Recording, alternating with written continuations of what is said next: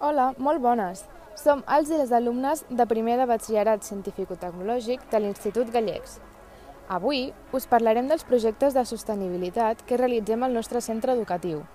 Concretament, us explicarem cinc, que són les recolectes de material d'escriptura, de paper i cartró, d'envasos d'alumini i, per finalitzar, de mòbils. Encetarem amb la recollida de material d'escriptura.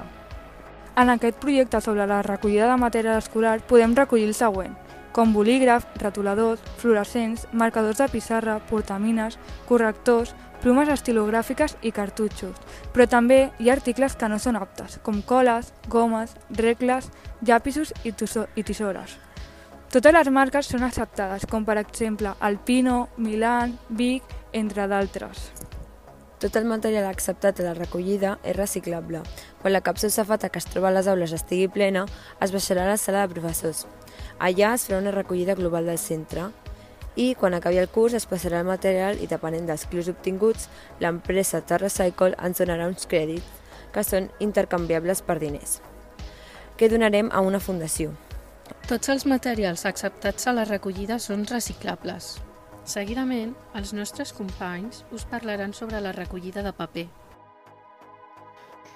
Com bé han dit les nostres companyes, parlarem del reciclatge de paper al centre. La recollida de paper al centre es fa amb unes caixes de cartró que hi ha a cada aula on s'ha de tirar tot tipus de paper per tal de col·laborar amb el projecte de reciclatge. Una vegada la capsa està plena, es vida una paperera gran que hi ha a l'entrada de l'institut. A la recollida de paper i cartró del nostre centre són acceptats materials com fulls de paper, llibretes i cartrons. Aquests són els més comuns, però també s'accepten revistes, diaris, entre d'altres. Els materials que no són acceptats són el paper carbó, el paper plastificat, fotografies, papers bruts, etc. També s'ha d'evitar sempre que es pugui ficar coses com espirals, clips, grapes, etc. Ara parlaré sobre el reciclatge del paper cartró. El paper pot ser triturat i reciclat diverses vegades abans de ser completament obsolet encara que cada cicle que es recicla es pot arribar a perdre entre un 15 i un 20%, ja que les fibres del paper reciclat es fan massa petites com per a ser usades per a crear un nou paper d'una bona qualitat. Reciclar el paper té molts beneficis, per una banda econòmics, com per exemple reduir les importacions de fusta i paper de fusta, i també es poden crear nous llocs de treballs amb la recollida, selecció i reciclatge. I per l'altra banda, òbviament, ecològic, per exemple, menys deixalles, menys consum d'aigua i també es pot evitar la tala de boscos i etc. Hola a tothom! Com han dit els nostres companys, a l'Institut Gallecs continuem amb el nostre projecte d'ambientalització i nosaltres presentem el projecte d'envasos. L'escola complementa les recollides selectives amb cubells d'envasos grocs que els podreu trobar a tots els espais del pati i a la porta de la cantina. A més a més, l'AMPA aquest any ofereix una ampolla reutilitzable. Als envasos hem de llançar el contenidor groc que està destinat al plàstic, llaunes, envasos bric i alumini. És important saber que no hem de llançar el contenidor groc per tal de reciclar correctament. Com per exemple, envasos de vidre, cartró, diaris, revistes, joguines de plàstic, biberons, guants de goma, estris de cuina, petits electrodomèstics, caixes de fruita, cubs de plàstic, etc. L'escola s'encarrega de reciclar, però nosaltres també hem de reciclar a casa, separant el paper, el plàstic, l'orgànic i el vidre. Normalment la brossa es diposita en els abocadors després de ser triturada i compactada, però els residus no es descomponen tan ràpidament degut a les poques condicions favorables dels abocadors. A continuació, donem pas als nostres companys que us explicaran com hem de reciclar correctament l'alumini. Ara us explicaré perquè el paper d'alumini és tòxic pel medi ambient i per a l'ésser humà. En la fabricació d'alumini s'emeten a l'atmosfera grans quantitats de vapors de quitrà, de diòxid de sofre, causant de la pluja àcida i de fluoramina, gas àcid molt perjudicial per a la salut per provocar alteracions dels ossos, els ronyons i els cabells. I el cost energètic és altíssim, el procés de fabricació de l'alumini necessita molt consum d'energia. Segons la EFSA, l'Autoritat Europea de Seguretat Alimentària de la Unió Europea, un aliment en contacte amb paper o recipients d'alumini contribueix a l'aportació d'aquest mineral a l'aliment. Estudis científics han demostrat que, a major temperatura, més quantitat d'alumini es filtra en els aliments. El reciclatge d'alumini és un procés molt valuós per estalviar recursos. Al reutilitzar el metall s'estalvia la despesa que suposa la fabricació d'alumini des de zero. Per reciclar només cal fondre l'alumini i tornar a donar-li forma, un procediment que costa menys diners i energia que un procés no, eh, original. Els passos per fer que l'alumini reciclat són Dipositem l'alumini en el nostre cuber d'escombraries i després al, al seu contenidor de reciclatge, que en aquest cas és el de color groc. D'ahir es porta a les plantes de processament, on es separa de la resta d'envasos. En aquestes plantes també se separen dels diferents tipus d'alumini i es netegen per processar-los de nou. En el pas següent, l'alumini es, es fa a una alta temperatura. Això permet separar, separar d'altres elements com la pintura d'una llauna de refresc, adhesius i altres materials adherits. L'alumini fos se sol amagatzemar de forma de lingots.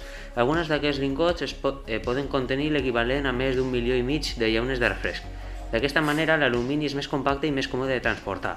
Aquests lingots són enviats després a un molí on s'aixafen formant plaques d'alumini a gran flexibilitat i resistència. De vegades, les mateixes plantes de processament inicials poden generar aquest, aquestes planxes d'alumini directament. L'alumini reciclat es transforma llavors en un elements útils per al dia a dia. Pot ser una llauna de pintura o de refresc, l'embolcall, que, que recobreix la xocolata i, el, i alguns altres aliments. L'alumini també té un potencial de reutilització pràcticament infinit, és a dir, ben tractat es pot reutilitzar cada vegada, cada vegada que calgui. El reciclatge de l'alumini permet reutilitzar les deixalles de l'alumini per convertir-les en altres productes, durant aquest procés es refon el metall i només es requereix un 5% de l'energia que es consumeix en produir l'alumini de la mina. Els beneficis del reciclatge de l'alumini són molts, ja que s'estalvia el capital necessari per a subvencionar i transportar la matèria prima. L'impacte medioambiental és menor perquè es produeix només el 5% del diòxid de carboni, comparat amb el cicle complet d'extracció de la mina i el seu transport fins a la planta de producció. Per exemple, la producció d'una llauna amb alumini reciclat requereix un 95% menys d'energia de la que seria necessària per a fer-la amb matèria prima. Hola, ara nosaltres us farem 5 cèntims sobre la campanya de recollida de mòbils obsolets al centre. L'Institut Gallecs va decidir dur a terme aquest projecte a causa de l'impacte mediambiental que suposa la producció de telèfons mòbils. Aquest es procedeix fonamentalment durant l'extracció de materials a les mines on la maquinària funciona principalment a base del petroli. Això contribueix a generar grans emissions de diòxid de carboni a l'atmosfera, a més d'altres compostos com òxids de nitrogen. El procés de producció resulta extremadament contaminant, ja que un telèfon mòbil requereix quasi 10 vegades més metalls preciosos que un, que un portàtil o un ordenador. Segons un estudi de la Facultat d'Enginyeria i Ciències Físiques de la Universitat de Surrey que va tenir lloc el 2015, un telèfon intel·ligent produeix 95 kg de CO2 al llarg de la seva vida útil. També, una única bateria de telèfon mòbil pot contaminar uns 600.000 litres d'aigua com a resultat del tractament dels minerals. Aquesta aigua seria l'utilitzada durant els processos industrials d'obtenció dels metalls purs, les aigües de rentat i les aigües contaminades per escorrentia de pluges, ja que les extraccions es produeixen en mines a cel obert.